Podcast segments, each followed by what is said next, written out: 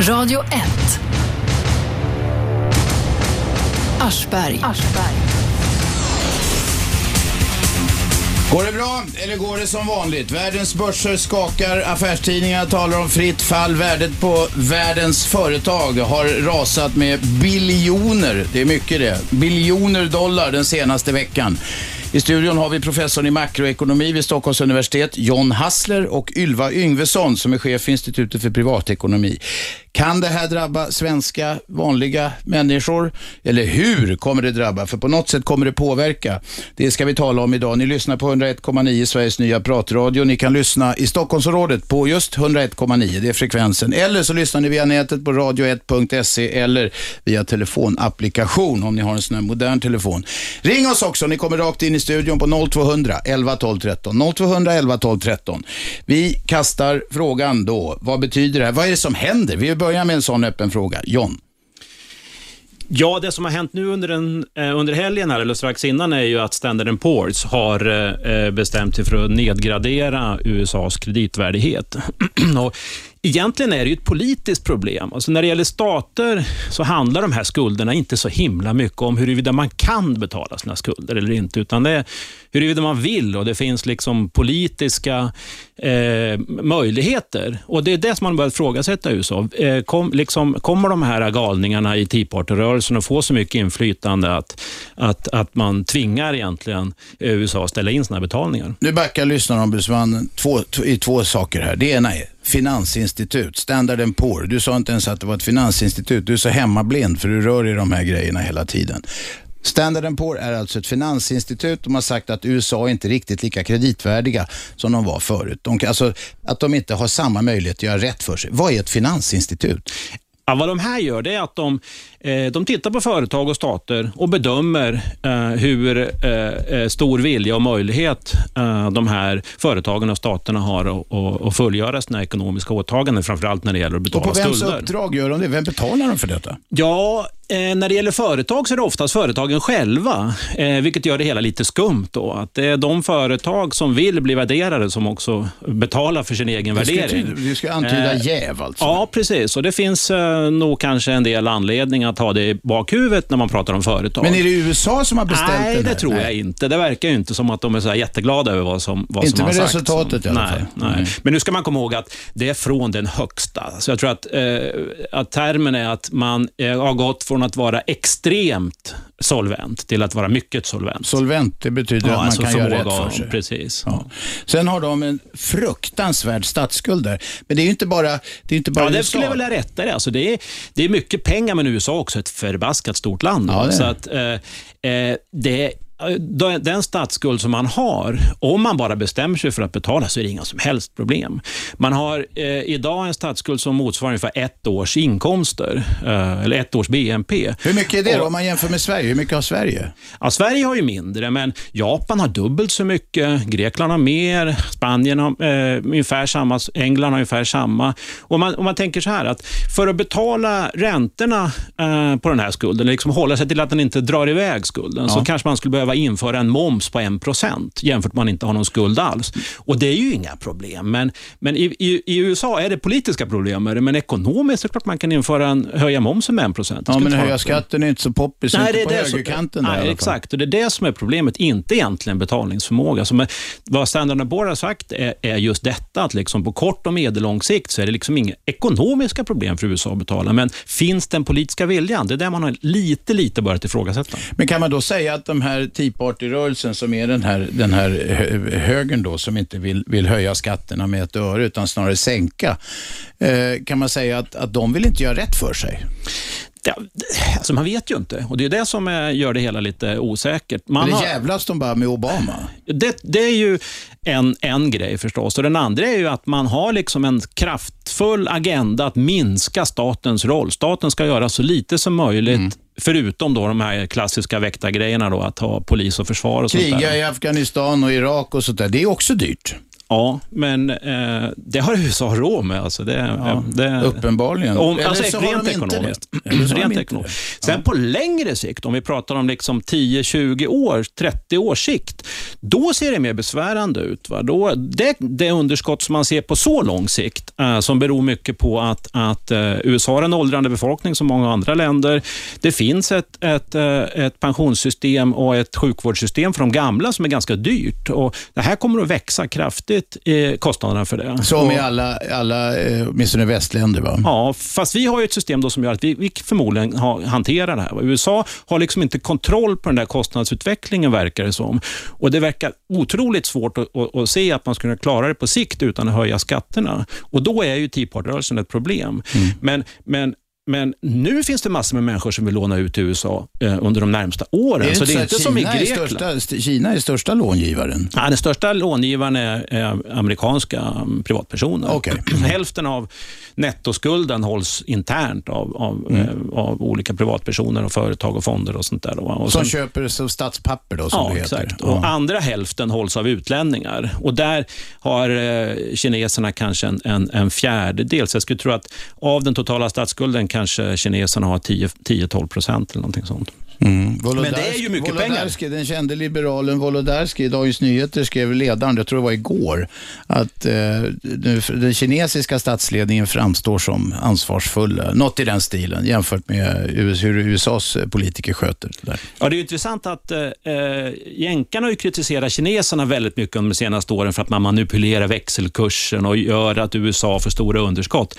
Men nu, så de tar ju igen lite grann nu, alltså för att det där tycker jag var en ganska orättvis kritik. Och, men nu har kineserna något, något allvarligt att säga till jänkarna. Mm, det verkar så. Ylva, betyder det här, ja, alltså, ja, betyder det något för, för folk i Sverige? Det är klart det gör, direkt eller indirekt, men hur mycket betyder det? Det är ju jättesvårt att säga, för det är klart att det är väldigt mycket olika beslut här som ska tas och hur man hanterar den här situationen. Då börjar vi med skräckscenariot. Ja, och då kan man ju tycka också, här har man ju pratat länge om den här uppbyggda statsskulden som ändå är någonting att hantera och eh, USAs eh, hantering av olika frågor som eh, visar sig att här är ju nästan ett risk, det här värsta scenariot som har kommit nu. Då. Eh, men det som är i grunden ett problem är ju att alltihopa det här påverkar tillväxten i världen och det påverkar naturligtvis avsättningsmöjligheterna för företagen i Sverige. Så att egentligen det som vi ska vara oroliga mest för, har jag en känsla av, det är väl kanske inte börsens rörelser upp och ner nu, utan det är egentligen vad händer egentligen med svenska företag och svensk arbetsmarknad? Kan vi, har vi jobben här med någon, med någon ljus utsikt Men framöver? om tillväxten stoppas, då blir miljövännerna glada. Ja, men tillväxt kan bestå av olika saker. All tillväxt behöver inte vara ett, ett miljöproblem. Och det här, däremot kan man säga, det som skulle kunna vara ett problem just för, när det gäller miljön och klimatet här, det är ju det att om man inte eh, ser till att man satsar i det här och ser till att man lägger pengar på forskning och utveckling, så vi kanske får en, en bättre utveckling som också inte är eh, påverkar miljön negativt. Om det, om det minskar i, det, i samband med det här, det, det vore ju väldigt tråkigt. Vi ska komma in för vad det betyder konkret. Alltså, ni vet de där plånboksfrågorna så småningom. Jag tänker vi ska hålla oss kvar vid det, det, det stora perspektivet här inledningsvis. 0211 12 13 om ni vill ställa frågor till John Hassler som är professor i makroekonomi vid Stockholms universitet eller Ylva Yngvesson som är chef för Institutet för privatekonomi. Det institutet är knutet, ska vi kanske redovisa, till, till Swedbank och Sparbankerna. Stämmer Hur jävig är du då? Jag har ju en väldigt eh, oberoende roll när det gäller att bevaka de olika frågor som påverkar privatpersoners ekonomi. Mm. Jag, eh, jag fick ju eh, pris från privata affärer om att jag inte gick i bankens ledband, vilket kan låta lite märkligt, men det kanske visar någonting om att Och jag på något sätt gör- visar kanske det ger banken en fjäder i hatten, att de får ha en sån här lös Ja, det, häst. det, det, är. Mm. viktigt att det, ja, det är viktigt att det finns någon som kan bevaka, både för eh, eh, banken i sig, personalen och för eh, allmänheten. Okej, John, det har talats om eh, Grekland, det elände som de flesta har, har läst om, där folk går i pension vid 50 år och blir förbannade när de inte får, får det och så vidare. Och det är en enorm svart ekonomi och sådär. Eh, sen är det Portugal, Irland, eh, Storbritannien har det talats om. Finns det några länder i Europa som har en stabil och bra ekonomi och kan de hålla det i så fall med tanke på EU-samarbetet? Ja, eh, Sverige har en stabil ekonomi, Tyskland har en stabil ekonomi eh, utan några problem eh, i det här avseendet i varje fall med statens upplåning. Och tillväxten går ju som, som tåget här i Sverige. Tyskland har haft en lång tid med ganska dålig tillväxt, men de senaste åren, eller efter krisen här, så har det gått ganska bra för Tyskland. Mm. Och vad beror detta på? Ja, ja, att vi inte fick någon, eh, något utdraget krisscenario i, i, i, i Sverige till exempel, som vi hade efter 90-talskrisen. Det, det beror på att vi hade välskötta, en välskött ekonomi, välskötta statsfinanser, företagen var konkurrenskraftiga. Och, och, så vi, i hela ekonomin så städade vi upp ordentligt under 90-talet. Vi är mannen med hästsvansen, Anders Borg. Nej, han har förvaltat det där. Men, men det, det var Persson och, mm. och, och, andra, som, eh, och, och Bildt och, och, och, hela gänget. Det fanns en stor enighet i Sverige efter 90-talskrisen att nu har vi kört åt fel håll ett, ett långt tag. Mm. Nu, över politiska gränser så bestämde man sig, nu måste det bli slut på det här. Och, och, och, och det, det, krävs. Uh, och, och, och, liksom den samlingen, eh, bland medborgarna. Det ser vi ju inte i Grekland, vi ser det inte i USA heller, men vi ser det i England. Det tycker jag. Och Jag tror att man kan säga att man ser det i, i, i Spanien också. Italien är lite mer osäkert, och där man liksom har en ganska populistisk ledare som man inte riktigt kan lita på i alla lägen. Men det betyder att det finns något gott med det faktum att alla är sossar i Sverige då, fast med lite, lite varianter bara? Ja, absolut. Jaha. Vad skrattar du åt, Ylva? Ja, det var en... Ja, det, på något sätt så har vi, bygg, vi har eh, växt upp i ett samhälle där vi känner att det är bra det här med en trygghet som är allmän som alla omfattas av och det har man ju stort problem i USA.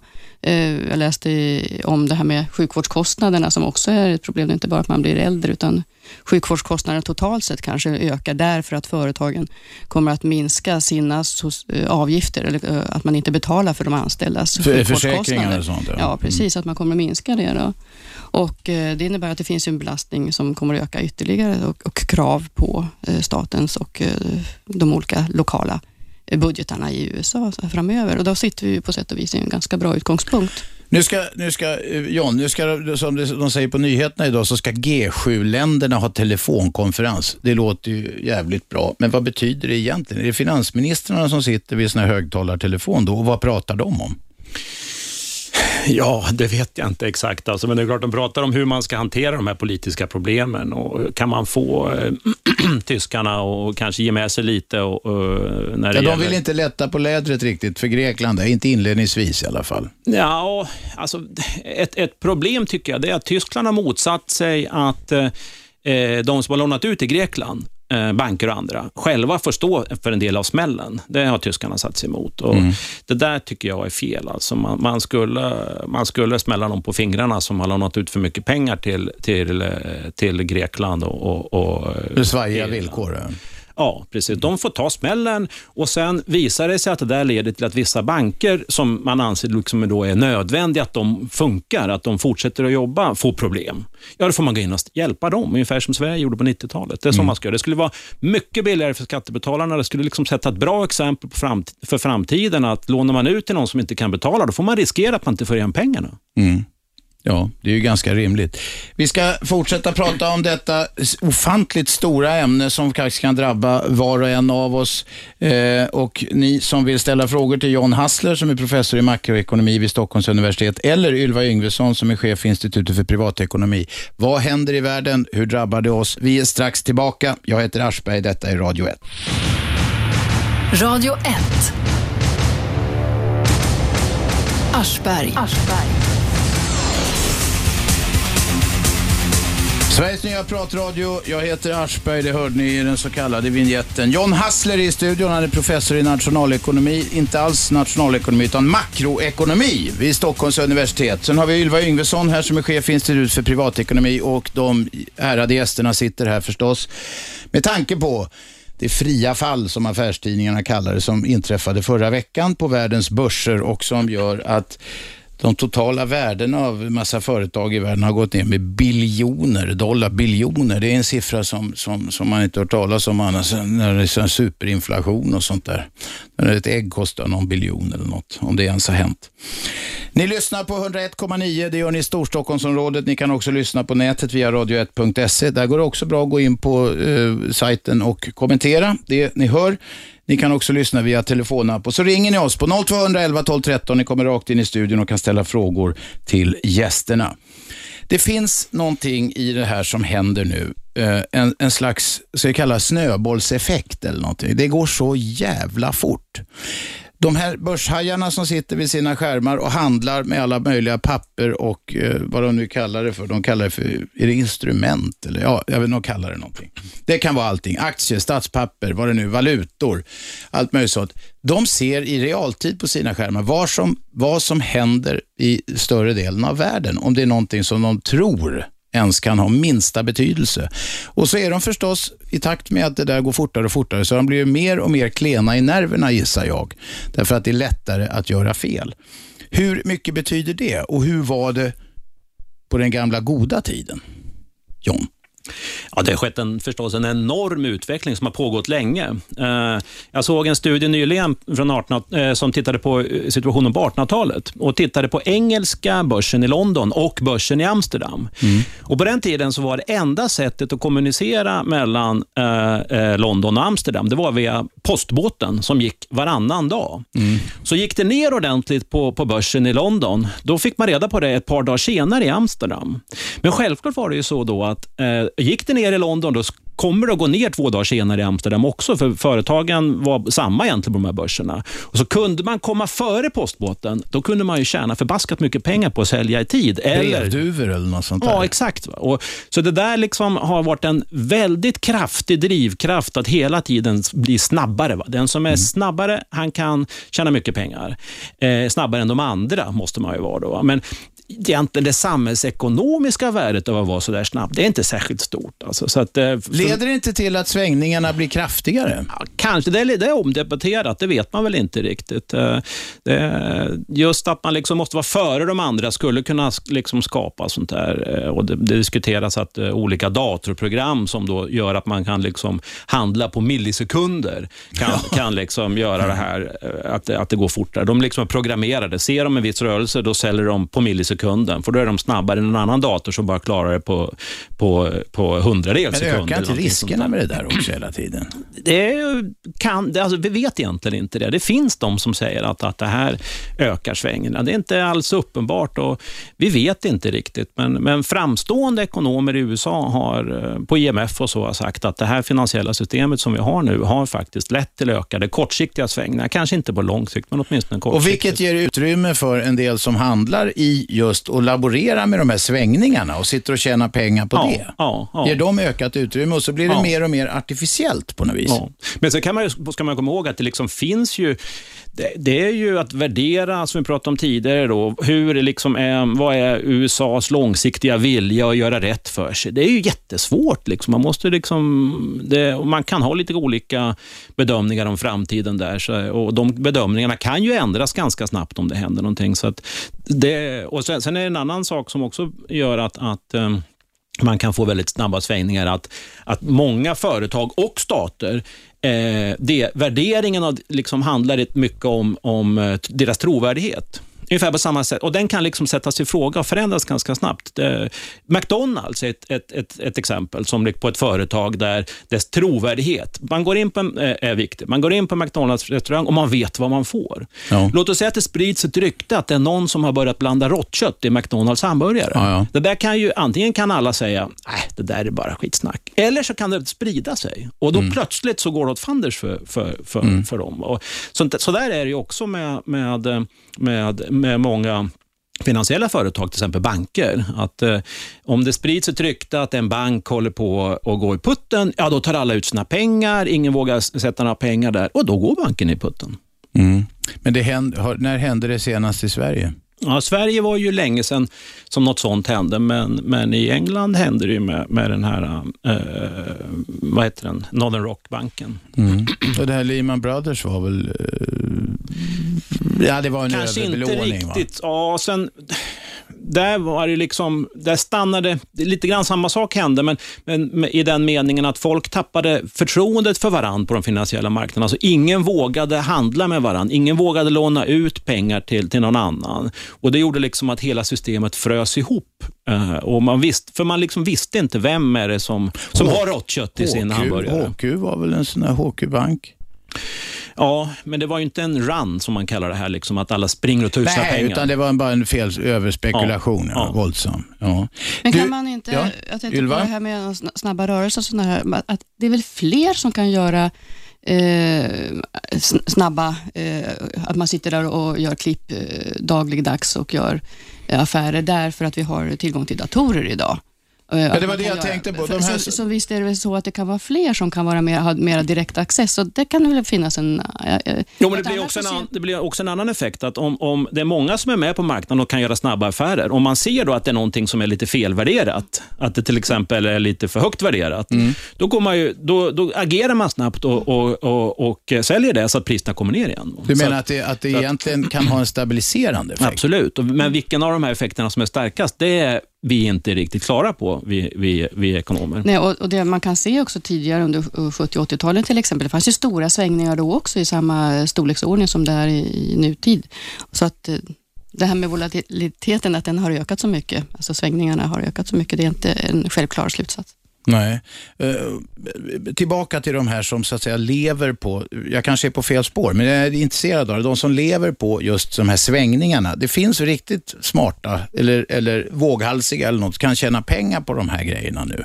Vad gör de som, de, ni, ni, förstår vilka jag menar ungefär, de här som handlar på just förändringar. Va? Vad gör de idag? det vet jag inte, men eh jag tror ändå de flesta, det fanns liksom en oro för att det skulle bli riktigt kraftiga börsfall idag. Då, men det, jag tror inte de flesta trodde nog inte det. Uh, så att uh, de som har liksom spekulerat i att det ska bli jättestora börsfall, de har ju, de har ju förlorat pengar idag. Och de, det kanske de också, de flesta av dem räknade med. Rätt åt dem kanske. Vi har en lyssnare med oss. Vem är där? Ja, det är Ingrid Persson. Ingrid Persson, tala till oss. Ja. Jo, jag skulle vilja höra om hur de det är att sälja ett sommarhus i dagens läge? Den frågan kastar vi till Ylva. Ja, om det är så att du har en, ett fritidshus som du eh, har tänkt att du ska sälja så är det ju så att eh, det kan finnas en eh, en anledning att vara, vara ute i god tid här nu då och passa på. Och se du skulle ha sålt för länge sedan. Förlåt att jag, att jag, att jag, det här är ju tragiskt, men du skulle Nej. förmodligen ha sålt för länge sedan. Alltså det är jättesvårt att parera efterfrågan på fritidshus och det är klart att man kan titta då på, ja, hur ser det ut då på hösten? Jo, då kanske det är mera köparens marknad, för det kanske är roligare att köpa inför sommaren. Men samtidigt så vet vi inte riktigt hur konjunkturen går. Hur köp... Ingrid, Ingrid, vänta ett tag. Vi ska ha nyheter här. Kan du hänga kvar i luren? Ja, jag hänger kvar. Ja, gör det. Nu kommer det nyheter. Eh, ett ögonblick. Jag heter Aschberg. Vi är strax tillbaka. Radio 1. Aschberg. Aschberg. 101,9 i Storstockholmsrådet. Lyssna på nätet via radio1.se också. Där kan ni kommentera det som sägs i programmet. Eller så kan ni lyssna via en sån här telefonapp. Vi har haft joggare som har varit ute och lyssnat. Eh, till och med ringt in medan de har joggat. Det blir ganska flåsigt när de gör det. Ring oss på 0211 12 13. Vi hade Ingrid Persson med på tråden. Hon frågade om det var rätt att sälja ett fritidshus utifrån det här perspektivet som vi har sett med USAs kreditvärdighet och kriserna i Europa. Det har hänt något väldigt tråkigt Ingrid. Det är första dagen på jobbet för mig så jag kopplar bort det. Du får gärna ringa tillbaks igen så ska Ylva och John och jag och Sipide som är dagens redaktör här ska vi försöka hjälpa dig eh, med råd. Du ska inte tro för mycket på vad vi säger men i alla fall ring, ring igen Ingrid på 0200 12 13. Om vi snackar allmänt om det här eh, hur det drabbar privatpersoner och så. Är det så att folk när det händer såna här, när det blir såna här skeenden, är det så att folk börjar flytta sina pengar med fonder eller tänka på hur ska, vi, hur ska jag eh, sköta om mitt hus så att säga? En del gör det. Det har väl visat sig att det är, eh, som Fondbolagens förening skrev, att det kanske är lite av en myt att det, småspararna alltid kommer sist in i de här köp och säljsvängen. Men eh, de flesta eh, gör ju inte så mycket åt det och det viktigaste för en sparare är naturligtvis att ha en, en strategi för hur man ska hantera sitt sparande och sina pengar så att man kan hålla fast vid det. För att bara agera panikartat på olika rörelser, det brukar inte vara det bästa lösningen. Ibland ska man bara ligga lågt. Ja. Och ibland ska man göra små, försiktiga rörelser. Ja, man kanske inte ska göra de här rörelserna just nu, utan man ska göra dem när man har När röken har lagt ett, sig. Nej, men när man har nått ett mål som man har tänkt att det här är det jag vill ha ut av avkastningen på mina pengar och när man har nått det, då kanske man ska eh, se till att man då går ur den placeringen helt enkelt Mm. i god tid. För ofta så handlar det om det här med, som jag säkert kommer att återkomma till många gånger, eh, att beroende på hur lång tid man ska spara på, så ska man, hur man ska agera då. Eh, det styr naturligtvis, tiden styr. Ingrid, Ingrid, är det du? Ja, det är jag. Bravo, tack! Du hörsammade min vädjan här. Jag ber om ursäkt för jag tryckte på fel knapp. Det har hänt förut. Även solen har fläckar. Ingrid, var var vi någonstans? Fritidshuset. Ja, ett vinterbonat fritidshus. Och jag undrar när det är dags att sälja det nu om det är, när det är så här kris överallt. Det man kan fundera över är ju, den som tänker sig att köpa ett fritidshus, vad eh, ska man använda för pengar? Är det så att det är många av köpare, kommande köpare av fritidshus som har sina pengar på börsen, relaterat till alltså i aktiefonder eller aktier, och kan ju de ha, känna en viss avvaktan och, och vilja vänta då och kanske inte De kanske inte ens nu. har råd om några, några de veckor. Kan, nej, precis. Så det kan ju hända att det, det finns en efterfrågan som är sviktande här nu. Då, att det blir färre som är intresserade av att köpa fritidshus och det kan påverka priserna neråt i, en, i ett annat, jämfört med ett annat läge. Men det beror på var det här befinner sig, det här huset. Det beror på hur bråttom du på själv har. Värmdö. På Värmdö. Ja. Ja. Sitter du i sjön, Ingrid? Behöver du stålarna snabbt? Förlåt? Sitter du i sjön, sa jag. Behöver du stålarna snabbt? Ja, ja. Jaha, ja. Du kan komma idag och köpa. Nej, jag, jag, jag, jag behöver inget eh, sommarställe. Jag har ett redan. Och, Men- och, och två blir för mycket. Men om, om det är så att du är eh, beroende av att sälja det, då måste du naturligtvis gå ut och se till att du eh, lägger ut det till försäljning och tar en kontakt med mäklare och eh, så får vi se då vad priset blir. Det, är en annan. det finns ju förhoppningsvis en köpare i alla fall till obero, alltså beroende då på priset, så att det kan hända att du får mindre betalt än vad du kanske hade haft en förväntan om. Vet du Ingrid, det brukar vara så här, de som vill ha sådana här råd, som du också, då man vill ju höra att man ska göra si och så, så tjänar man mycket pengar. Så man vill inte höra det där avvakta eller sälj billigt och så. Eller hur? Nej, nej.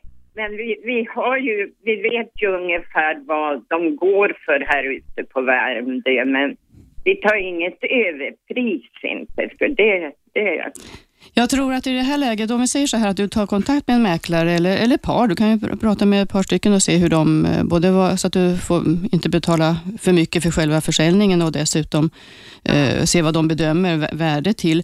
Och Sen är det ju viktigt att om du hittar en köpare, om det finns någon som vill köpa ditt, din bostad eller ditt, ditt fritidshus, eh, säg inte nej bara för att du tycker att det här var ju mindre än vad jag hade väntat mig, för att det kan ju vara så att det blir sämre sen.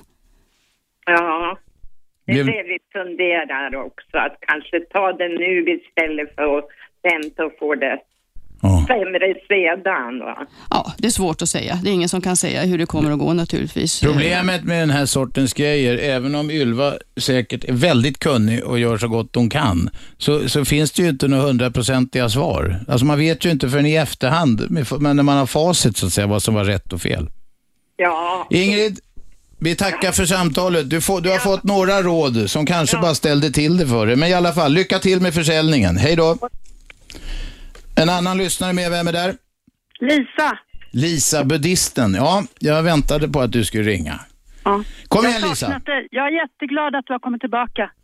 Äntligen en vänlig människa. Men kom till saken. Ja. Jag har hållit på med aktier.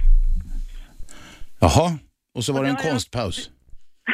Ja, just det. Jag är konstnär också. Ja. Eftersom jag får väldigt dålig pension så jag håller på med aktier och det är, mina aktier är min pensionsförsäkring. ja, då sprack det. Nej, jag sålde när det började gå åt helvete i våras. Jaha. Ja. Och nu... Du vill råda alla till att ha gjort det, eller vadå? Nej, jag tänkte fråga professorn här. Ja, Jag, jag funderar på att gå in med, med halva mitt, min summa där på att köpa tillbaka. Är det en bra idé? du kommer inte få några råd eh, när det gäller sådana här saker av mig. Eh, det, är, alltså, det är genuint svårt att spå vad som händer med, med, med aktiemarknaden, på, åtminstone liksom på kort och medellång sikt. På, mm. på lite längre sikt så, så är vi nog ganska säkra på det, att aktier slår banksparande. Men ja. liksom på några års sikt det är jättesvårt att säga. Det har gått ner vad det, 20 procent i, i, i, i, i Sverige under det här året. Och, och, och, sånt händer. Det kan gå upp också, men det är, det är i princip omöjligt att, att, att spå. Och den som säger att man kan spå om såna här saker, lita inte på dem. Nej, men det, har de inte, jag vet, det här kanske är en sån här Klintbergare, en myt bara, men jag tycker, men jag har läst någon gång för länge sedan att de har låtit en schimpans göra eh, såna här bedömningar och de har hamnat, inte, inte sämre än några såna här mm. fina ja. analytiker. Ja, alltså när det gäller de liksom allmänt handlade stora företagen på börserna, där finns det inte mycket pengar att, att tjäna på att försöka liksom eh, pricka ut, plocka ut de som är bättre än andra eh, småföretag och sånt där, det kan man ju, där kan man ju kanske vara duktig på att hitta ett företag som inte har eh, kommit igång än. Eh, men det är en helt annan sak. Där, där är man ju inte inne som privatperson. Nej, och det är lite lotteri också. En del av de där som verkar kan gå upp som en sol och ner som en pannkaka. Ja, precis. Du såg ju dotcom, alltså. det var, ja. de flesta var ju pannkakor. Ja. Men, men det var ju några som blev rika också, va? De som ja, prickade in Facebook och mm. vad det nu var. Mm. Men jag tänkte gå in, lämna en, en köporder och sen lämna en säljorder och hålla på sådär. Men om du, ska göra, om du ska göra den här typen av affärer, då måste du utgå från din egen kunskap och då ska du inte lyssna på några råd, utan då ska du själv göra en bedömning utav vad du tror på ett företag som du vill gå in i och göra den affären då utifrån det. Eh, och det, det, är ju självklart så att om du har, det beror på hur lång tid du har kvar till din pension skulle jag säga och hur mm. pass eh, mycket utväxling du kan få på dina pengar. Mm. Men man måste vara beredd att ta ordentliga smällar om man är inne på aktiemarknaden. Så är det. En stor del av både uppgångarna och, och nedgångarna kommer från utvecklingen enskilda dagar. Och Det är skitsvårt att, att pricka in de där dagarna. Nej, men day, day trading är väl ingen dålig idé? Ja, då ska, ja, men då, det är samma sak. Dels är det väl, jag kan inte den där marknaden särskilt bra, men man får ju betala en, en del eh, courtage och sånt där vad det heter för varje gång man gör en affär. Och Det där tenderar för de flesta att liksom äta upp ganska mycket av de gör vinster man kan, man, kan, man kan göra. Gör det? Mm. visste inte jag. Du ska du sitta och göra massa småaffärer och du får betala en liten avgift för alla. Om man satsar 200 000, hur mycket får man betala i, i uh, avgift då? då? Nej, men du, gör, du betalar en avgift för varje affär du gör va? Ja, men för ja, det finns väl i procent? Mm. Det, det, är procent, men vad betalar man för 200 000 då? Det, det vet jag olika. inte. Det är väl olika. Förhoppningsvis så finns det en konkurrens på den här marknaden. Jo, men det gör det. Det finns olika sådana där eh, sajter man kan sitta och men trixa med. Men om det var så att alla tjänade pengar, alltså det, det är en omöjlig ekvation. Om alla tjänade pengar på det, då skulle, då skulle varenda sån här börshaj bara sitta och syssla med det. Alltså det, det, det, det, det finns inga alla lotterier bygger på något vis på att eh, den som eh, har hand om det ska tjäna pengar på det. Och inte att, det är inte så att den som spelar på lotterier eh, kan alltid vinna på det, för då vore det ingen affär. Men det, det, jag tycker inte man ska jämföra aktiemarknaden med lotteri. För att det är klart att om du har kunskap och, och kan sätta dig in i olika företag och, och, göra en bedömning, så det är lite skillnad mot lotteri. Kanske mer som trav då. Jag, jag, ja, som hästar då, får man säga. Förut så hade jag såna frimärksaktier men nu har jag gått över till stabilare bolag. Jaha. Hur lång tid har du kvar till pension? Ja, en del. En man, del? Lisa vill inte tala, man talar inte om en kvinnas ålder. Nej, okay. det, var där, det var där skon klämde va Lisa? Ja, precis. Ja, jag förstod det. Jag förstod det. Ja, du, hade du något mer? Nej, jag, jätte, jag tackar Gud att du har kommit tillbaka. Hej då! Ja, ja, ja, det är bra. Tack. Någon som tackar Gud också. Herregud. 0211 12 13. Ställ frågor till John Hassler som är professor i makroekonomi vid Stockholms universitet och eller Ylva Yngvesson som är chef för Institutet för privatekonomi. Ett institut som ger råd till folk som, som försöker få eh, eh plånboken att räcka till. Och det är inte alla som eh, kan det i alla lägen i Sverige.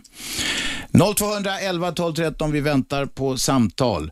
Eh, vad gör, jag var inne förut på hur, hur privatpersoner, om de, hur de påverkas. Alltså. En del, säger du Ylva, börjar flytta och mecka med pengar.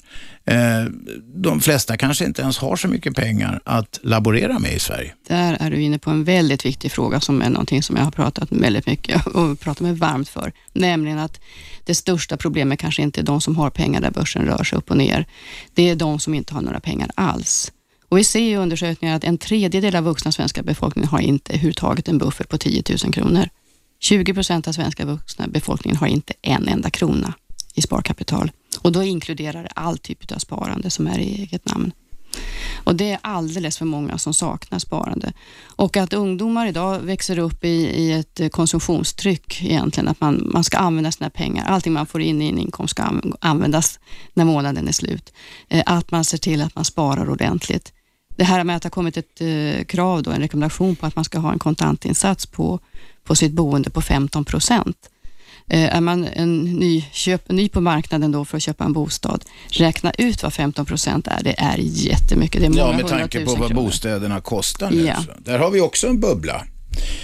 Kanske. Jag tänkte Kanske. på det här med att handla mycket och vara inne liksom och varje dag på börsen. Jag såg en, en, en amerikansk studie där man tittade på ett stort antal individer som var mer eller mindre aktiva eh, på, på, på börsen. och så tittar man på hur det har gått för dem i ett längre perspektiv. Ja. Och Då visar det sig att i genomsnitt åtminstone, ju oftare man var inne och handlade marknaden, ju sämre, desto sämre gick det. Alltså. Och så frågar man också de här individerna, hur duktiga anser ni att ni är när det gäller att bedöma företag? Och Då visar det sig att ju duktigare man ansåg sig vara, desto sämre gick det i, i slutändan. Så att Grattis skulle- schimpansen alltså, Grattis som schimpanserna. man vet inte Men kan något om kan- aktiemarknaden. Men, men en schimpans kanske, kanske kan göra bort sig ordentligt också. Jag skulle säga att det bästa rådet är att eh, eh, sprid eh, pengarna eh, och använd såna här eh, indexfonder som liksom fixar det där spridningen så att man liksom har en, en aktie av varje företag ungefär. Gör det. Radio 1. Aschberg. Det är jag det. Går det bra eller går det som vanligt? Vi talar om världens skakiga börser och vi ska börja rikta in oss på plånboken nu. Det lilla lädret där man har pengarna som ska räcka till mat och hyra och bensin eller diesel eller vad det nu kan vara.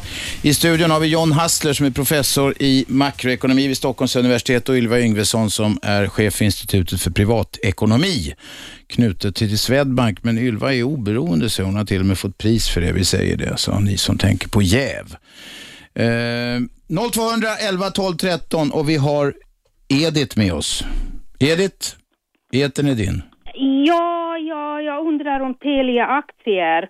Det, är, det har visat sig att det är en ren förlust. Men när, eh, när det var på tal, när det kom igång, det var jättestor jippo tidigare och inte bara jag men flera andra har hoppat in på den och investerat sina pengar i den. Det var några år sedan va?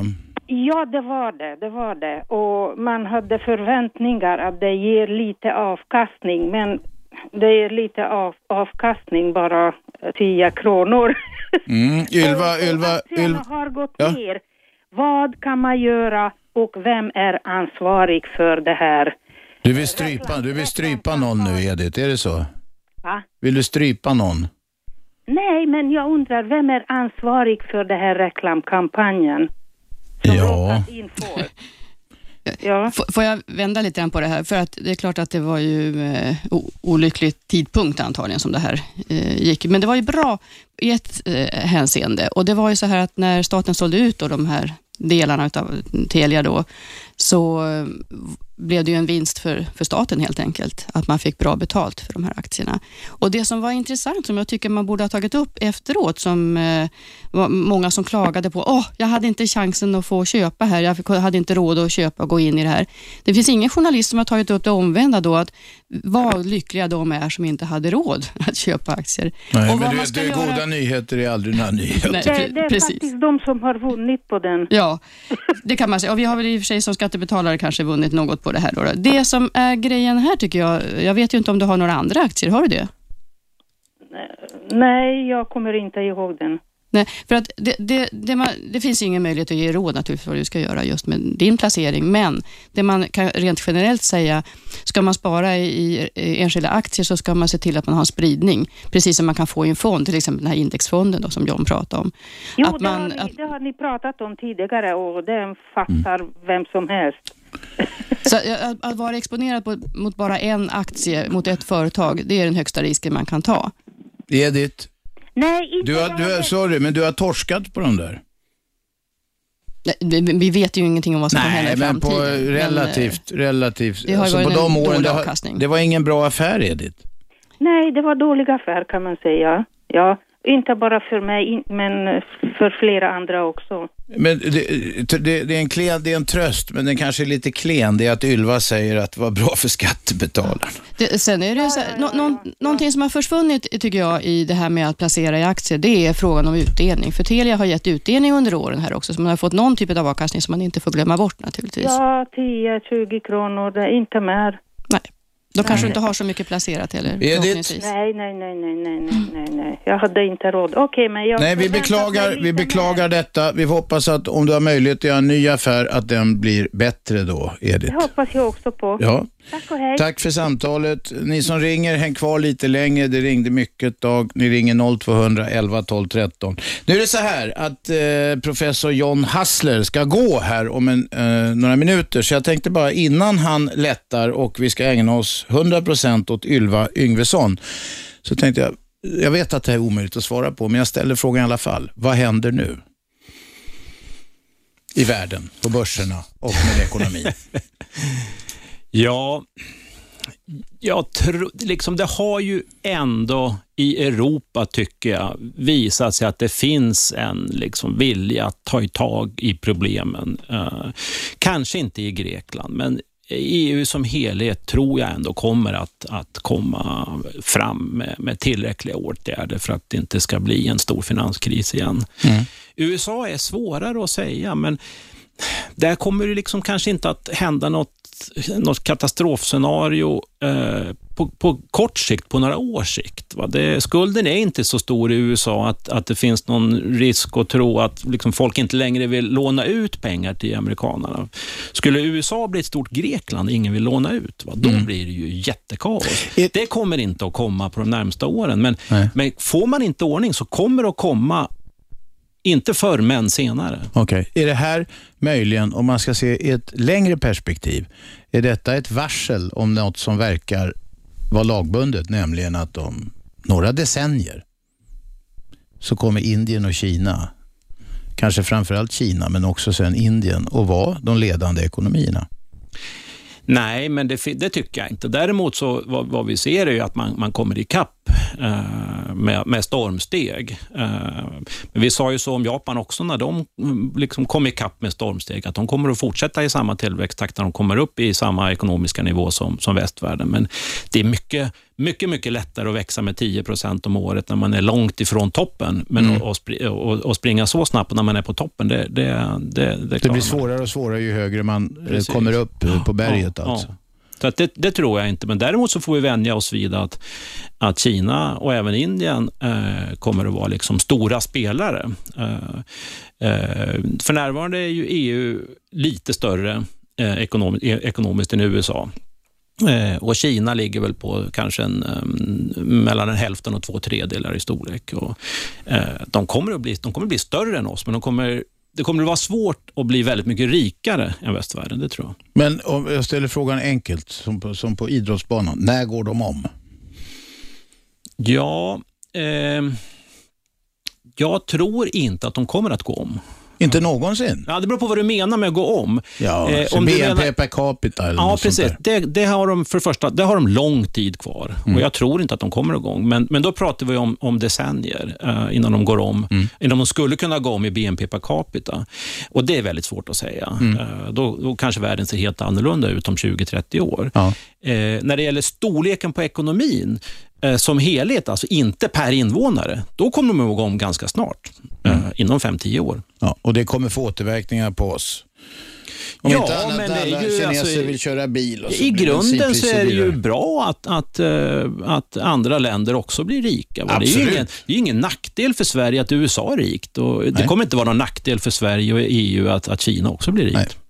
Tack för att du kom hit. Vi ska fortsätta eh, programmet en timme till med Ylva Yngvesson som är chef vid Institutet för privatekonomi. Nu går vi in på mikrofrågor, nämligen vad ska jag göra med mina pengar mot den här bakgrunden och mot det som sker ute i världen. Nu blir det nyheter, vi är strax tillbaka. Jag heter Aschberg, detta är Radio 1.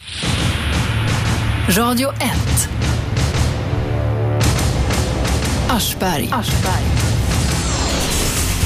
101,9 är frekvensen. Där lyssnar ni i Storstockholmsområdet eh, upp till Norrtälje och ungefär lika långt söderut. Ni kan också lyssna via app i telefonen om ni har modern telefon eller via nätet, radio1.se. Där kan ni också gå in och kommentera det som sägs i programmet.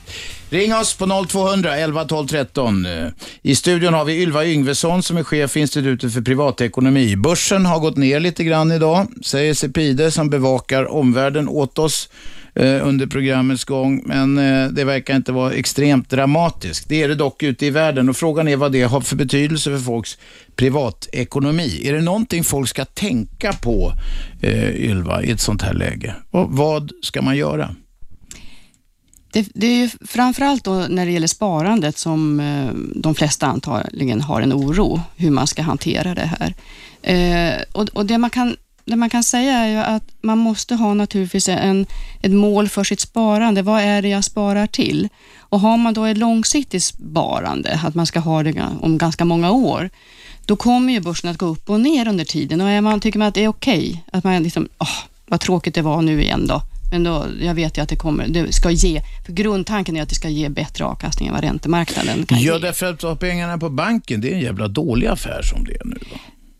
Ja, eh, ja, om vi vänder på den frågan då, så är det så här att när du, när du tittar på en räntesats, så ser du en, en ränta, man kan säga den nominella räntan. Den nominella räntan innehåller alltid eh, en förväntad framtida inflation och är det så att inflationen förväntas att vara ganska låg, då är räntenivåerna som vi ser lägre. Så att om man tittar på en ränta eh, så ska man inte bekymra sig så mycket om den, för att realräntan och även realränta efter skatt Alltså, ger inte så mycket mera, även om du skulle, i det läget då det var kanske 10-12 procents ränta, så var inflationen så hög så du fick sämre betalt än vad du får idag på ett bankkonto. Så att eh, det man ska ha förväntningar på räntesparande, det är att det i princip behåller sitt värde över tid. Du får inte så mycket mer avkastning än det. Alltså när du säger realränta, då menar du det man får ut efter att ha fått ränta minus inflationen som äter upp värdet på pengarna. Ja. Och hur ser det ut idag då? Just, Var, var hamnar man? Tjänar man, även om det är väldigt lite, tjänar man någonting på att ha pengarna på banken eller förlorar man det? Om man på ett vanligt sparkonto? idag, I år kan jag tänka mig att det kan bli negativt, därför att inflationsförväntningarna är rätt höga. Inflationen kan också bli lite högre än vad det har varit. Eh, Men vi har inte sett årets slut än, vart, vart räntorna tar vägen.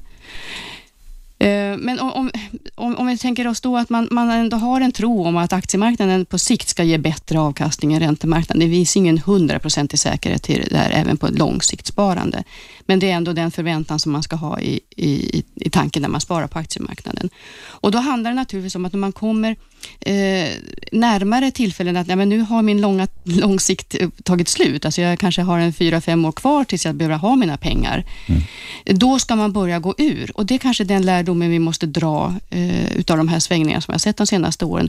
Vi måste gå ur i god tid så man inte sitter med största risken man kan ha på Men handen. problemet med god tid är man vet ju aldrig när det är god tid. Nej, och då är det ju kanske, det här är någonting som är lättare sagt än gjort, nämligen att man sätter upp mål att när det har stigit så här mycket, Mm. säg att jag har en aktiefond, att jag när jag har fem år kvar innan jag behöver ha mina pengar, om det nu är så precis naturligtvis tidsperspektivet, har det gått upp 100 procent kanske, har det gått upp 50 procent, Då ska man nöja sig Då med ska det. jag nöja mig med det och gå ur. Man får Om- sätta sina egna mål man alltså. måste sätta mål på ett helt annat sätt än vi har gjort kanske. Vem är med på telefon? Ja, det är Ingegerd som ringer.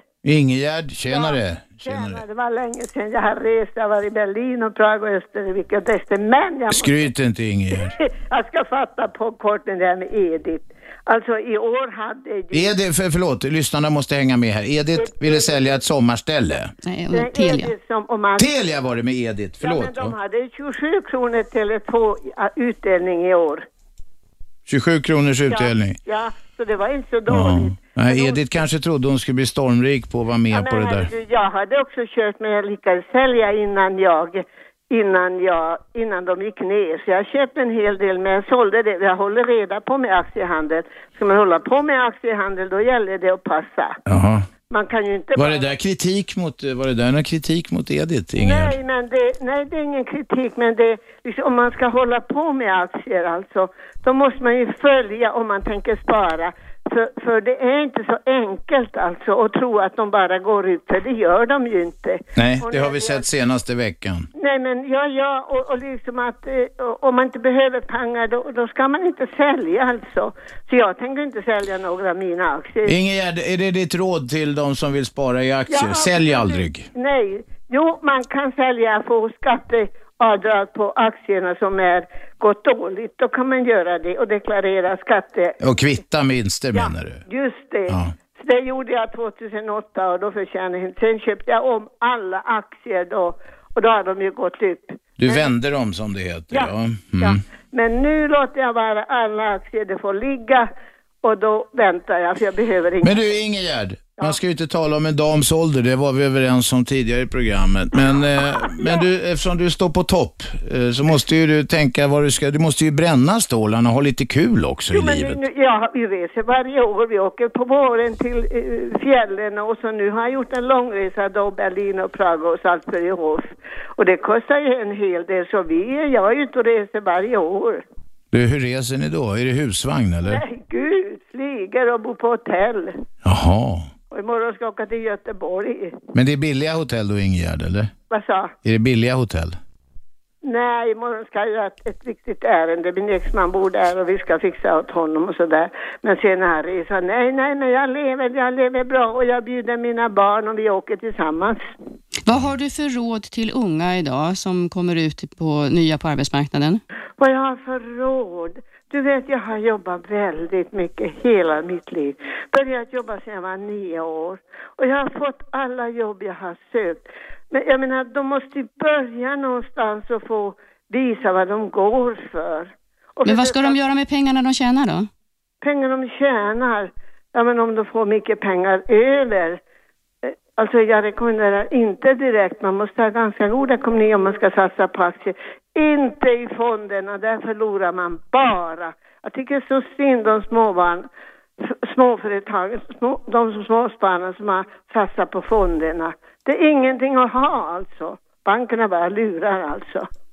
Men du Ingegerd, du, eftersom du är en av stamgästerna här, eh, så kommer jag ihåg, du säger att det, det, det är bara att jobba på och jobba hårt och så här. Men det är ju Ja. inte lika lätt för ungarna att få jobb idag som det var när, när du eh, var yngre. Mm, Ja, men det finns väl en hel del jobb ändå, men de är så fina också så de tar inte allt möjligt jobb alltså. Ja. Eller hur? Jag tror att det är mycket det. Ja. Så att ja, ja, ja, ja, jag vet inte men nu har jag ju varit väldigt aktiv och läst och sådär så att jag har, jag, jag har jobbat för varenda öre jag har alltså. Ingrid, vi tackar för de goda råden. Ja. Hej så inga länge. Fonder, inga fonder. Eller Ingegerd, förlåt, jag sa Ja, fel. Ja, det gör inget. Ja, fortsätt ringa 0211 12 13 och ni får hänga kvar lite grann. Jag vet inte om den här jävla växeln kastar ut folk så jag inte skäller på er i onödan. Men häng kvar bara. Ylva Yngvesson är här. Hon är chef för Institutet för privatekonomi och hon svarar gärna på frågor. Men hon har ingen kristallkula som ger exakta svar. Det är få nämligen som är ekonomiskt kunniga som hävdar att de kan det. Men det är en del sådana här så kallade aktieexperter som, som har varit rätt stöddiga, eh, Ylva, och sagt att det kommer gå upp i år och hit och dit och sådär. De får nu äta upp sin hatt. Ja, då får man revidera sin, sin tro. Det- det är väl- Revidera? De, Ja, det, man ju bortgjord. Ja. Nej, men det är självklart så att, att eh, det, det finns, någonstans så finns det någon, någon inbyggd eh, mekanism som gör att man, om man håller, jobbar med värdering av aktiemarknaden, som, så bör man ha en positiv syn som gör att man har någon slags generell syn att ja, men det ska gå upp 10 procent ungefär. Och Men annars sågar man av grenen man sitter på. Ja, lite grann så. Men eh, jag, jag tänkte just på det här med, får jag bara kommentera det Ingegerd sa om Ja. det här med fonder? Och det är självklart så att om du sparar i fonder så, har du, så har, finns det fondavgifter och det kan vara värt att titta på avgifterna.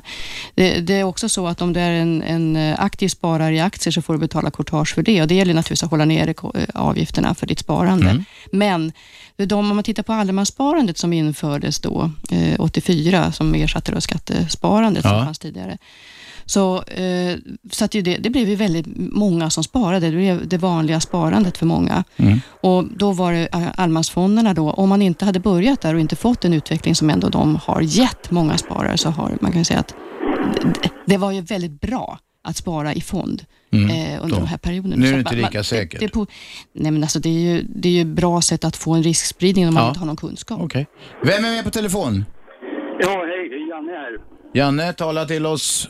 Jo, jag har en fråga eh, angående den svenska valutan i förhållande till, till eh, euron och eh, den amerikanska dollarn. Vad jag har förstått eh, under den här krisperioden som vi har haft så har den svenska kronan, eller den svenska finanserna ska vi säga, gått de bästa, eh, vi har varit i topp så att säga i jämförelse med alla andra europeiska länder. Det är väl vi och eh, schweizerfrancen som har, eller Schweiz eh, mm. Hallå? Nej, det bara dog. Mobiltelefonen fick- svek ringaren. Vi fick ingen fråga där. Han får va? köpa en sån här som har en app som man kan ta in Radio 1 på. Vi har en annan lyssnare med. Vem är där? Tjena, det är Janne här. Janne, kom igen. Jag har följt diskussionen här och eh, jag skulle vilja ställa några frågor till, var det Ylva hon hette? Ja, gör det. Så här är det att det var en devalvering, du vet kronan flöt ju 92, hösten 92. Ja. Och det var återkommande, jag själv jobbar inom finansbranschen då, men det var väl återkommande så här att ska vi gå med och göra om valutan, gå med i- Janne, jobbar du i finansbranschen då har du råd att köpa bättre telefon. Ja, alltså jag har blivit, det känns nästan som någon har spinnat mig här. Men du får, du får ta bort den där krypteringen eller vad fan det är. Ja, jag ber om ursäkt för det, men jag försöker... Nu var det bättre, kom igen. Ja, jo i alla fall. Frågan är följande. När och hur ska vi gå med i, i euron? Eller ska vi behålla valutan så länge vi kan? Va? Eh, för ju nu, just nu verkar ju... Borg, Anders Borg blev intervjuad för, på morgonen idag. och Han sa liksom att vi får försöka ta det lite lugnt här nu och ha bra kommunikation med Riksbanken och så vidare. Va? Så att det inte blir... För att vi är ett litet land och när det blåser rejält va, då, då dras vi ner fast vi har starkare eh, ställning, alltså internt sett inom landet. Va? Bankerna är mycket starkare än i många andra länder. Va? Så Vi är som ett litet löv på det stora Precis, aspträdet. Ja. Ylva, ska vi gå med? Om, ska vi gå med eller ska vi inte gå med så att säga? Bra, stanna där. Det var en konkret Det- fråga. Om man säger så här, det är ju svenska folket som av, ska avgöra den här frågan enligt politikerna och eh, det innebär att man, man får se tiden an helt enkelt. När kan det finnas ett läge om vi ska gå med eller inte och om man ska ha en folkomröstning eller inte. Det är inte läge just nu tror jag. När tror du det kan vara läge? När... Va, du, vänta, vänta. Det är inte läge. Vad tycker du själv? Ja, Jag tycker så här att förr så tyckte jag att vi borde gått med där i, i, typ i mitten på 90-talet. Va? Eh, och det var ju några, efter, några år efter det stormade och valutan flöt och så vidare. Va? Men, det, men sen har vi långsamt liksom lyckats kunna hantera kronan emot de andra valutorna. Så kronan, och det ser man ju också på senaste 24 månaderna så har kronan stärkts mot euron kraftigt 20 procent och även mot dollarn. Va? Och det är två starka valutor normalt sett. Va? Så jag tycker själv att vi kanske ska behålla kronan 4-5 år till. Men Det här är ett bra läge. Man kan köpa grejer utomlands ifrån och åka på billig semester och sådär. Precis, så länge vi, håller, vi har en stark kronkurs så tycker jag ja, Mm. alltså, minst fem år till ska vi behålla den. Va? Men på sikt, om vi får en stabilitet inom eurozonen som de kallar det för. Va? Ja. Eh, Det, det, är en svår, det här är en jättesvår fråga för det är ett väldigt disparat eh, zon om man säger så, eurozonen och eh, det, det kommer att vara mycket frågetecken runt omkring det här framöver tror jag. Ja, det kommer ju bli det. Och det, är, det är en väldigt komplex fråga. Va? Så att det, det, det är lite intressant och, och hur man ska tänka. Liksom. Ska man gå med och liksom, man kan ju inte liksom, ska man gå med så går man ju med va. Det är ju så. Och det gäller ju liksom att hamna i, i, en sån sits att vi måste ju ta ett beslut förr eller senare då. Och då Skulle det här påverka hur du skulle agera nu på något sätt? Det, det, har ingenting med min finansiella ekonomi privat, va? utan det här, jag tänker mer för landet liksom och hur svenska folket ska tänka i framtiden så att säga. Att eh, man vill ju ha en, stabili- eh, en stabilitet i den valuta man har för pensioner och så vidare. Och pensionerna påverkas ju ganska kraftigt nu då. Om det skulle, om det skulle svänga ganska länge va. För att det är många pensionsbolag och även egna privata sparare som har satsat en del eh, liksom i fonder och aktier och så vidare. Va? Så på sikt, om du slår ut det på fem- 40, 50, 60 år så, så gör det inte så mycket. Men om det skulle blåsa kraftigt typ en längre period och de här svängningarna då, då kan eh, enskilda personer, enskilda institutionella pensionsbolag då som förvaltar liksom både privata och tjänstepension. Janne, Janne, Janne, Janne, Janne jag får sammanfatta. Vi påverkas, en- ja. vi påverkas. Bra, då är min fråga, jag ska hjälpa dig att förtydliga din frågeställning här lite grann. Hur mycket påverkar det som händer nu folks pensioner?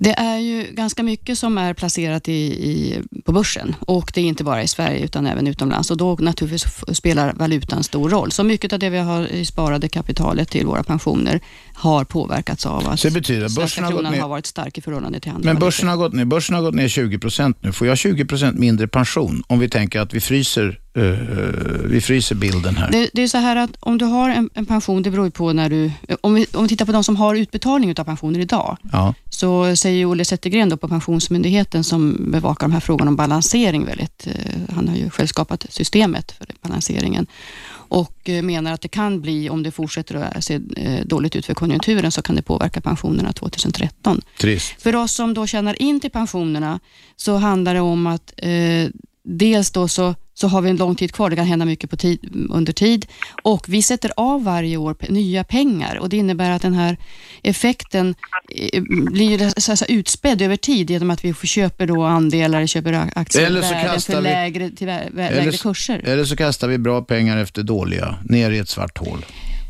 Ja, alltså, ska man dra ut en, en diskussion kring det här med vad händer egentligen med, med eh, börsens eh, funktion överhuvudtaget? Alltså är det så att eh, riskkapital kommer att komma via börsen eller kommer att komma på annat sätt? Men Mm. det, jag, jag tror inte man ska se så nattsvart på det här så att man ska vara eh, orolig för det långsiktiga Okej. sparandet. Tack för samtalet. Radio 1. Aschberg. Det är jag det är på 101,9, Sveriges nya pratradio. Eh, det börjar ringa nu för vi har kommit in på privatekonomi mot eh, ljuset av vad som händer på världens börser där det ser ut att gå åt helvete. Eller möjligen inte. Ingen vet hur djup den här svackan är om det ska bli en så, här så kallad recession när det går bakåt med ekonomin. Vilket påverkar allas plånböcker. Och med på telefon har vi Kent. Kom igen. Ja, hejsan. Ja, Jag har väl kanske en vanlig allmän fråga när det gäller ekonomi. För den här damen som ringde in och pratade om att de som sparar i allemansfonder, de blir bara lurade. Mm. Ja, då ska jag veta, när de startar de här allemansfonderna, om man har sparat ungefär en eller två procent av sin bruttoinkomst sedan dess, om man nu haft en genomsnittlig, kan man säga, industriarbetarlön, om man tar skillnaden då mellan att ha haft pengar på banken och det hela, är det bättre att ha pengar i i en sån här allemansfond? Ylva. Under den perioden har det varit väldigt mycket bättre. Eh, jag kommer inte ihåg exakt, jag har nog något siffror här någonstans, men det, det kan vara kanske en tre, fyra gånger bättre slutresultat idag. Om man har sparat hela tiden. Så det, så det, men nu har ju alla de här fonderna liksom som man sparar på Nordea då, så det har bara blivit en fond av alltihop nu. Mm. Förut hette de ju Omega och Alfa och allt vad det var för någonting. Och nu är det ju bara en enda. Vad hände då liksom? Var det ingen mening att ha olika? Varför gjorde man så här för? Och nu vet jag inte riktigt hur deras inriktning var, om det var lite olika inriktning på de här, att det kunde vara ett, eh, icke avkastande och avkastande fonder och liknande. Då. Alltså man fick en utdelning eller inte. Eh, jag, vet inte riktigt hur, de var indelade, men det, det, det kanske finns ett eh, eh, lite besvärligt då med de här stora fonderna. Eh, för när man ska göra en förändring, när, när det är väldigt st- stora innehav som fonderna har, så blir det väldigt påverkande naturligtvis på börsen, så att de, de kan ha lite svårt att reagera i sådana här sammanhang. Kent, har du någon dålig erfarenhet? Jag anar Nej, ett stänk av nej. bitterhet någonstans. Det var, ja, det var snarare så att man tänkte att hon den där damen som verkar så insatt liksom. Att Ylva? Var, att det var, nej, den här... Ja, så förlåt. In, Ingegärd hette Ja, just det. Ingegärd, ja. Hon säger att det är mycket bättre då att köpa liksom... Jo, men Ingegärd har väldigt gott självförtroende. Hon brukar ringa in här. Hon är, hon är ganska duktig på eh, många saker. Jo, ja. Om man får tro henne själv Men alltså. om man tar nu till exempel, jag tycker det är alltid så när man tittar på de här tillväxtmarknaderna då, där man talar om ja, Asien och sånt. Det är ju där de där verkliga djupdykningarna alltid kommer. Det är ju sällan här i, som jag tycker de där riktiga djupdykningarna är. När varje gång det blir en sån här riktig kris i ekonomin, då blir det ett enorma påverkan utav i Thailand och de här länderna. Jämfört med i, i västvärlden, där får ju folk verkligen känna av att det hela, jag har aldrig känt av att eh, något börsfall någon gång. Okej, eh, det är klart att eh, börsfallen har påverkat vårt sparande eh, av och till, men i Ja, men genomsnitt vi så har vi märker fått... inte av det i själva livet, men Nej. där verkar man ju känna av det direkt på kroppen. Ja, varför att det påverkar. Men, men jag tänkte just på när du pratar om det här med tillväxtmarknader, det är ju, en, det är ju marknader som har väldigt hög risk. Och att förstå vad ordet risk innebär, det kanske inte är så dumt att ta upp. För att, förlåt, om, om man tänker sig att man pratar om hög risk så pratar man ju också om att man har en hög möjlighet. En risk ska ju betalas någon gång, är ju tanken. Och med högre risk kan ju finnas större möjligheter, men samtidigt så då kan du också tappa väldigt mycket.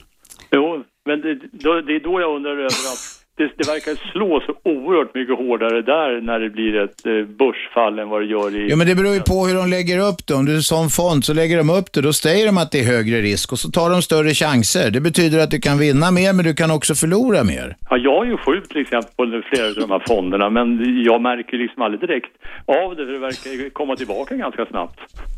Tack och lov. Ja, ja. Det är bra Kent. Vi tackar för samtalet. Hej då. Åke, tala till oss. Hej. Kom till saken Åke. Ja, eh, jag tänkte bara höra med det här. Vi pratar om att man ska spara och spara och det ska sparas i fonder, det ska sparas i aktier och så vidare. Men det pratas aldrig mer hur man ska komma till att kunna spara någonting. Du menar för att man inte har några stålar att lägga undan? Lite grann så. Mm. Alltså det, det krävs ju också, det, jag tror att det är rätt många i det här landet som inte har 2000 kronor i månaden att Nej, spara på. vi sa det. Och vet du vad? Det snackade Ylva om för en stund sedan. Men vet du vad du får göra nu? Eftersom du är en envis jävel så hänger du kvar över nyheterna. Är du med på det Åke? Bra. Radio 1. Aschberg. Det är jag det, på 101,9 i etern i Stockholmsområdet. Ni kan lyssna via radio1.se också på nätet eller via telefonapp om ni har en modern sån här smart, så kallad smart telefon. Ring oss 0200 11 12 13. Lätt att komma ihåg. Vi har Hector med på linje 5. Varsågod Hector. Ja, hejsan. Eh, det, jag skulle vilja uttala mig angående det här med världskrisen eller ekonomisk världskrisen. Gör det. Och det är, det är ju så här att jag tycker att eh, för det första så finns ingenting som, eh, som jag hittar att finanskris som det skulle kunna motsvara en finanskris. Utan det hela grundar sig enbart i girighet alltså. Och det, varför säger jag det? Jo, för att eh, det har blivit ju på det viset att folk eller företagare vill ha mer och mer och mer pengar oavsett hur mycket. Det är väl inte så nytt i och för sig. Nej, alltså det finns en topp där man kan ju inte bli av med mer pengar. Alltså hur mycket man än blir av med så kommer ändå man att ha pengar kvar. Men det här, det här är ett fenomen som har funnits sedan Medicis dagar. Jo, men nu på sistone har det blivit ännu värre alltså. Jaha.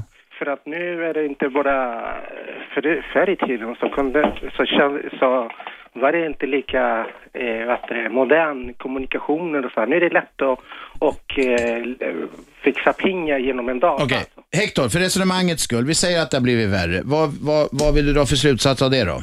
Ja, jag vill ha för slutsats att säga liksom att den här, den här, eh, det som händer på, i världen, det är, är det enbart på grund av girighet. Alltså. Jo, men då, vi tar det ett steg till. Vad vill du göra åt det då?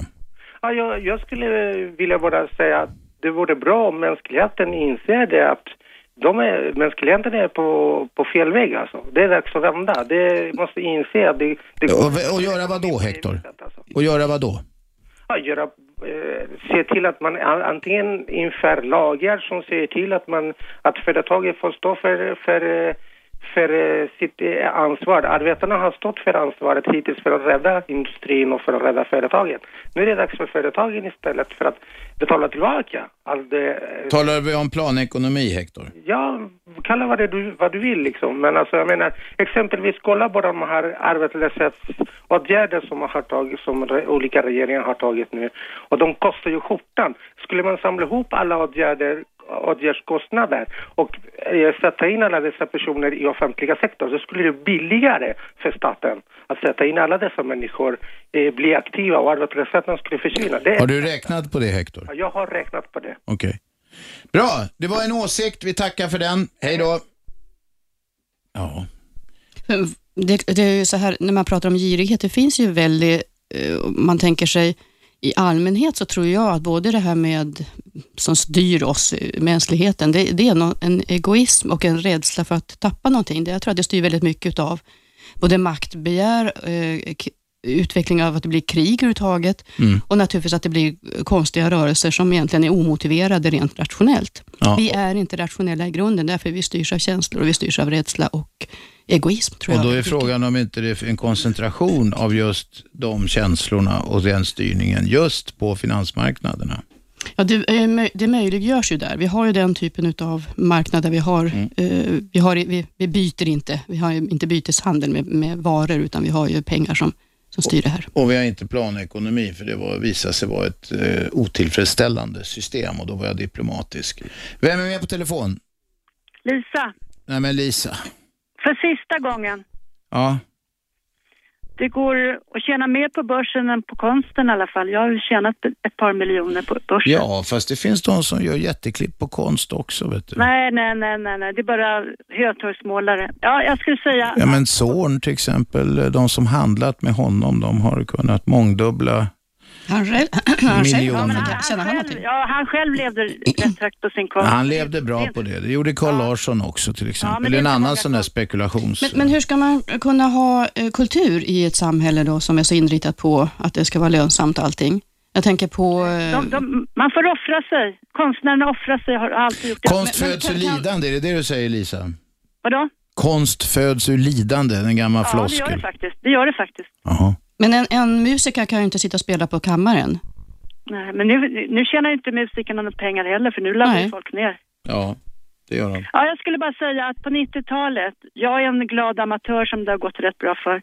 Men jag insåg redan då att det är vansinnigt att lägga in folks pensioner i aktiefonder. Vänta, Ylva har något att säga här. Varför då? Man vet inte alls hur det går. Nej men Nu alltså... har det gått åt helvete. ja.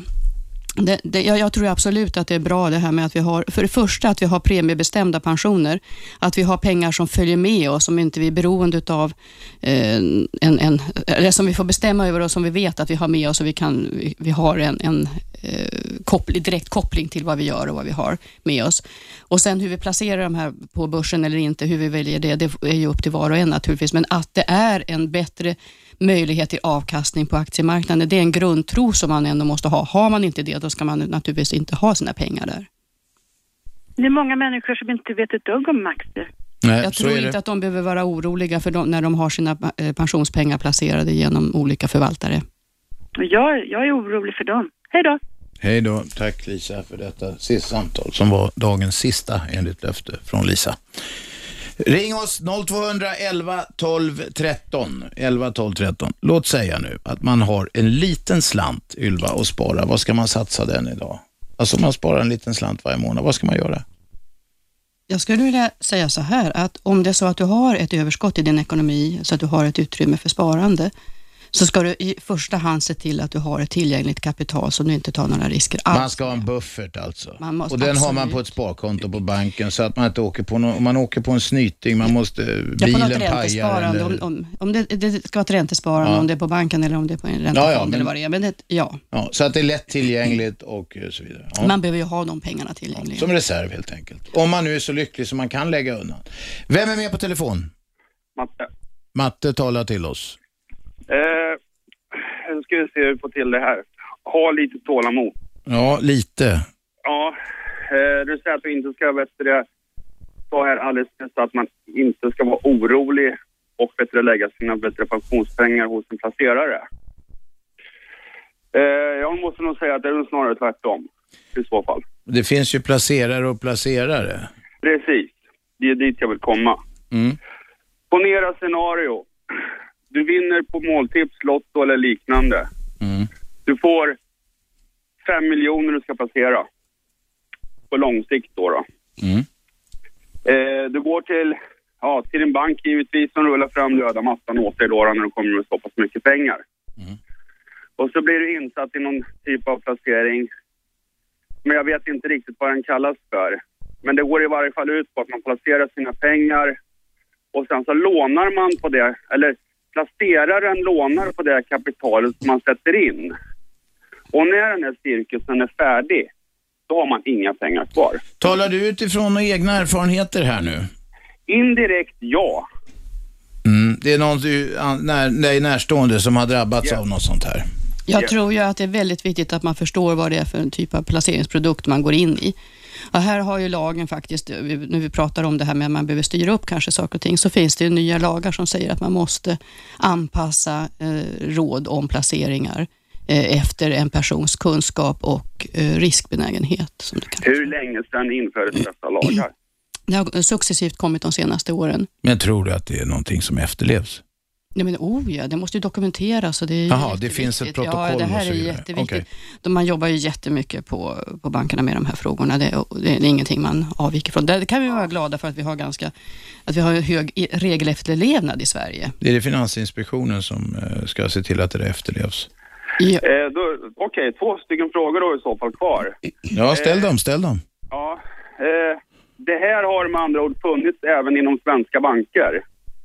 Det finns nu, ja. Ja, men alltså det här typen av system som jag pratar om, då att man lotar dina pengar. Fast vänta, du, jag, jag vet inte, vad, var du klar över beskrivningen här Ylva? Att jag antar att man, försöker göra en hävstångseffekt på att man kan utnyttja pengar som finns genom att belåna och eh, kunna placera nya pengar så att man får någon slags eh, pyramidspels... nu, den här personen som jag nu pratar om, han är alltså en fullständig amatör vad det gäller placeringar. Så han lägger ju alltså de här pengarna direkt i händerna på banken. Att banken ska förvalta hans pengar. Och banken här i den här frågan garanterade 10 i avkastning och två år senare var det inga pengar kvar. Ja, alltså har man garanterat några pengar, då måste det finnas en garanterad, någon, någon typ av värdepapper som är garanterat i botten och det kanske man inte haft och då har det Ja, för blivit helt fel. garanterad avkastning, det tror inte jag finns. Men vänta, om det finns det är väl ett avtal skrivet på detta och de säger garanterar. Om det står i papperna så är det bara att pröjsa. Nej, men du, får, ju- du, du, du är nog inte insatt i alla detaljer kring det här va? Ja, det, är, det är anledningen till att jag tar upp det och ringer in då, då. Det är på grund av att precis samma scenario, jag har nämligen släktingar i Norge.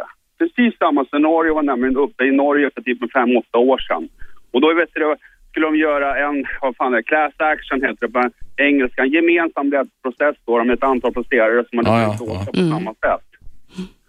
Då, då. Det är väl jättebra om man tar och lyfter upp de här frågorna och naturligtvis finns det anledning att se om man kan göra någonting åt eh, det rättsliga i det här, att man an, anmäler eh, och, och att man tar kontakt med den banken och gör en, eh, med, det finns kund, kundom, kundombudsmän till exempel som kan styra rätt Ja. i vart man ska ta vägen. Och det finns skojare överallt, inte minst i bank och finansbranschen. Ja, för att det tråkiga i det här, det är det att banker på, säger att de har ju inget som helst ansvar till att detta scenario har inträffat. För att tough luck, du har, låt, du har torskat fem, miljoner här i. Ja. Det- Vi, vi beklagar detta. Vi får, vi får i alla fall återkomma till den frågan att det är ett eget ansvar vad man placerar i, men naturligtvis så, så får en rådgivning, om den nu är dokumenterad, måste, ju kunna leva, måste man ju kunna levas upp, leva upp till. Okej, så man kan inte lita på, på placerarna på banken? Nej, men du kan, så här, du kan ju inte lita på någon som du inte känner. Så är det ju alltid. Då får du ju se till att de dokumenterar eller se, fråga om man garanterar det ena eller andra. Nej, man kan inte lita på någon.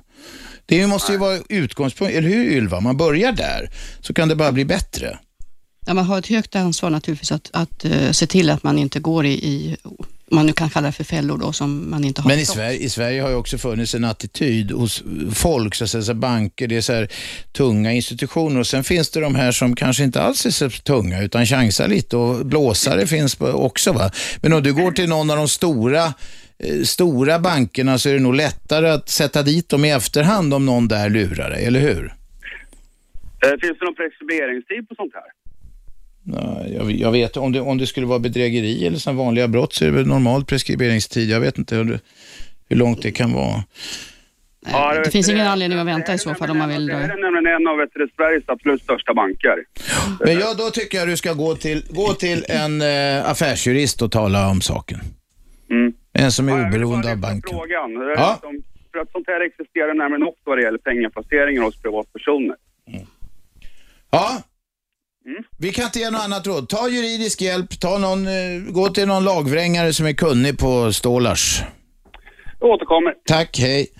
0211 12 13. Vi ska ta lite reklampaus före slutspurten här med Ylva Yngvesson som är chef för Institutet för privatekonomi och gärna svara på frågor om vad ni ska göra med era surt förvärvade pengar, om ni har några, med anledning av det som just pågår i omvärlden, nämligen att börserna eh, rasar och svajar så att det står härliga till. Jag heter Aschberg, detta är Radio 1. Radio 1. Aschberg. 101,9 det är frekvensen eh, megahertz tror jag det heter eller någonting. I Stockholmsområdet. Från Norrtälje och eh, lika långt söderut sen från Stockholm.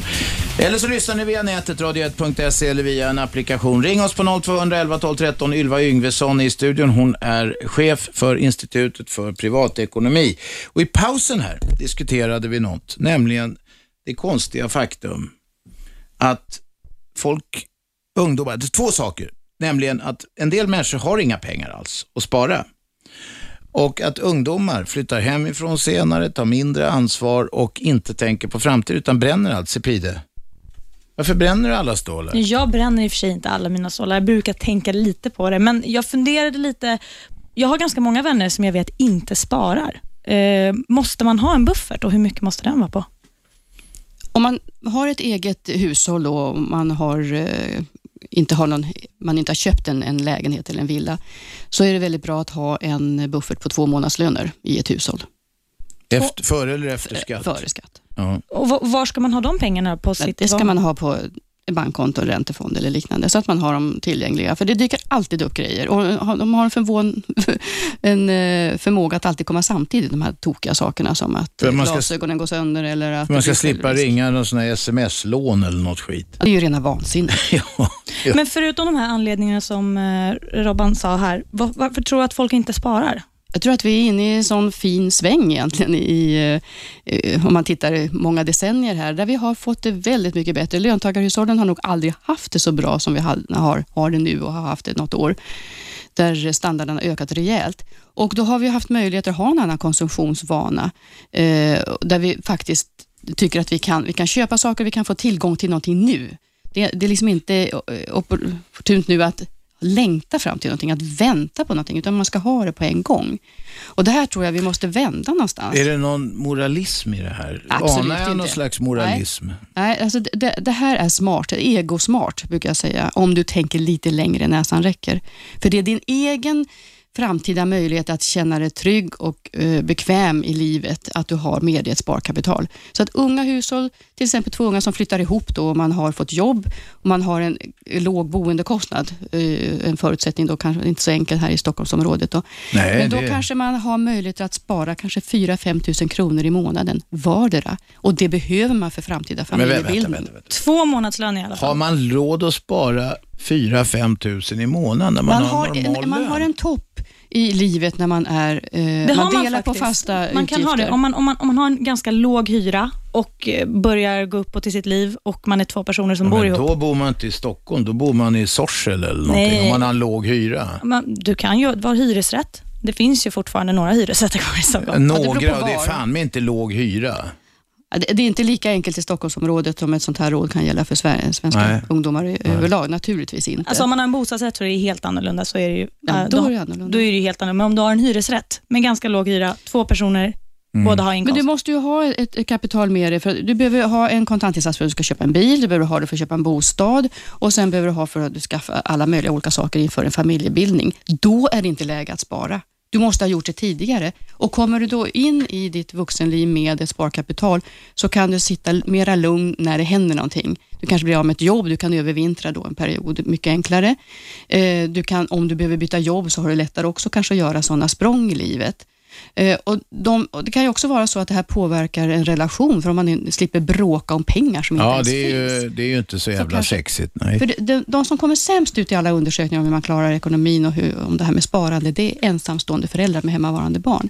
De har inte möjlighet att spara i den situationen. Det måste man ha gjort tidigare för att uh, komma på en helt annan nivå. Ja, men vänta ett tag. Om man blir ensamstående förälder. Ensamstående föräldrar är jättevanligt. Inte minst i dyra Stockholm. Va? Eh, mammor som, eh, eh, ja, gubben tar inga ansvar och, eh, så här, mamman, eller vad nu som nu har hänt. Mamman lever med ett eller flera barn. Även om de skulle ha sparat sig två månadslöner före skatt, säg att de har 50 000 på, på någon sån här lättillgängligt konto. Det räcker ju inte länge. Nej, nej. Det räcker ju ingen vart. Nej, alltså det här är ju frågan om en buffert som man måste ha ändå. Det är om man har ett sparkapital med sig i bagaget Mm. eh, som gör det här eh, livet mycket enklare. Det är jätte, ett jättestort problem i, i Storstockholm, Stockholmsområdet att dela på sig. Att eh, boendekostnaden är en dryg del utav utgifterna. Det är ett stort problem.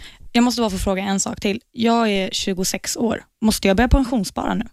Nej, det är inte det första du ska tänka på. Okej, så buffert, det, det ska man tänka på i den här åldern, men, men inte pensionsspar kan vi ta lite Buffert senare. och sparkapital för framtiden.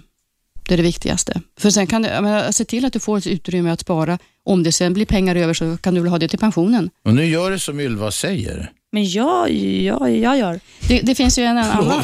Ja, jag, titta inte, du, det här ska jag föra vidare. Jag spelar in det här och så, eller ska föra vidare det här till andra i min omgivning. Titta Det- inte på det-. Jaha, det du man ska kan frälsa fundera- polarna. Ja, ja. Det man kan fundera över det är ju just det här med att om man börjar pensionsspara väldigt tidigt så kan man spara en ganska liten slant för att det ska bli någonting på rätt lång tid. Så att eh, eh, ränta på ränta-effekten hjälper ju spararen över tid. Så att det kan ju vara, om man har råd att spara lite grann så kan man göra uppehåll sen under familjebildningstiden. Det är ju jävligt tråkigt när man är i 20, jättetråkigt. 26 års ålder och tänk- tänka på när jag blir pensionär. ja, det är Det vill jättetråkigt. ju inte men, ungarna tänka på. men man får ju lite ångest när man får det här orangea kuvertet och inte riktigt vet vad man ska göra av det och sen slutar det med att man inte öppnar det. Ja, alltså det är ju inte, prognosen Visst, visst där har det är med inte så. pension att göra? Det har väl med pension Ja, absolut. Det är, den något, allmänna något pensionen. med pensionen. Det är den allmänna pensionen. Då, då kan man ju säga att det är ännu viktigare att se till att när du någon gång har Eh, tittar i dina anställnings, dina förmåner där och ser till att har du möjlighet till tjänstepension så är den också väldigt viktig för din framtida pension. Men eh, och prognosen och orangea kuvertet är ju mest intressant för de som är kanske 40 plus, eh, 45 plus. Jag fick ett, eh, får kuvert då och då. Jag vet inte, för jag bryr mig inte om att ta reda på vad det är ens. Men där står det att, för jag jobbade, var, eh, hade ett hederligt kneg en gång i tiden eh, och jobbade nog på ett bussgarage. Och eh, det, det visade sig att från den där tiden som LO-medlem då, det är länge sedan nu, så kommer jag få 9 kronor i månaden för att säga att jag orkar. Jag tänker det måste ju kosta en hundring för dem att skicka ut beskedet bara. Men 9 spänn i månaden har jag sett fram emot att få från den leden. Som tur är har jag lite andra eh, pensioner också. Från, nu är det inte många minuter kvar. Det är en minut. Jag vet inte om vi ska uppmuntra folk att ringa längre. Det är inte ens en minut. En minut. Ylva, du får sista ordet här. Nu får du tala helt fritt till lyssnarna. Ge dem något råd. det viktigaste tror jag det är när det gäller eh, det sparande man har, att man eh, har en, eh, en överblick över vad, vad det egentligen är man vill ha för strategi. Om man vill vara aktiv eller om man vill vara passiv. Sen hålla sig till de olika åtgärder man har tänkt att göra i olika skeden och ta gärna hjälp då utav någon rådgivare. Kanske flera för att få en, eh, en bild. Någon som inte tar allt för mycket provis. Ja, visst, det är klart att man ska försöka att göra, köpa tjänster så billigt som möjligt. Tack för att du kom hit. Tack eh, för att ni lyssnade. Eh, Vi ses imorgon klockan 10.00 på 101,9. Jag heter Aschberg och än en gång som sagt, nu börjar en lång het säsong. Tack för att ni lyssnade idag. Vi ses imorgon. Vi hörs imorgon. 101,9 Radio 1. Sveriges nya pratradio.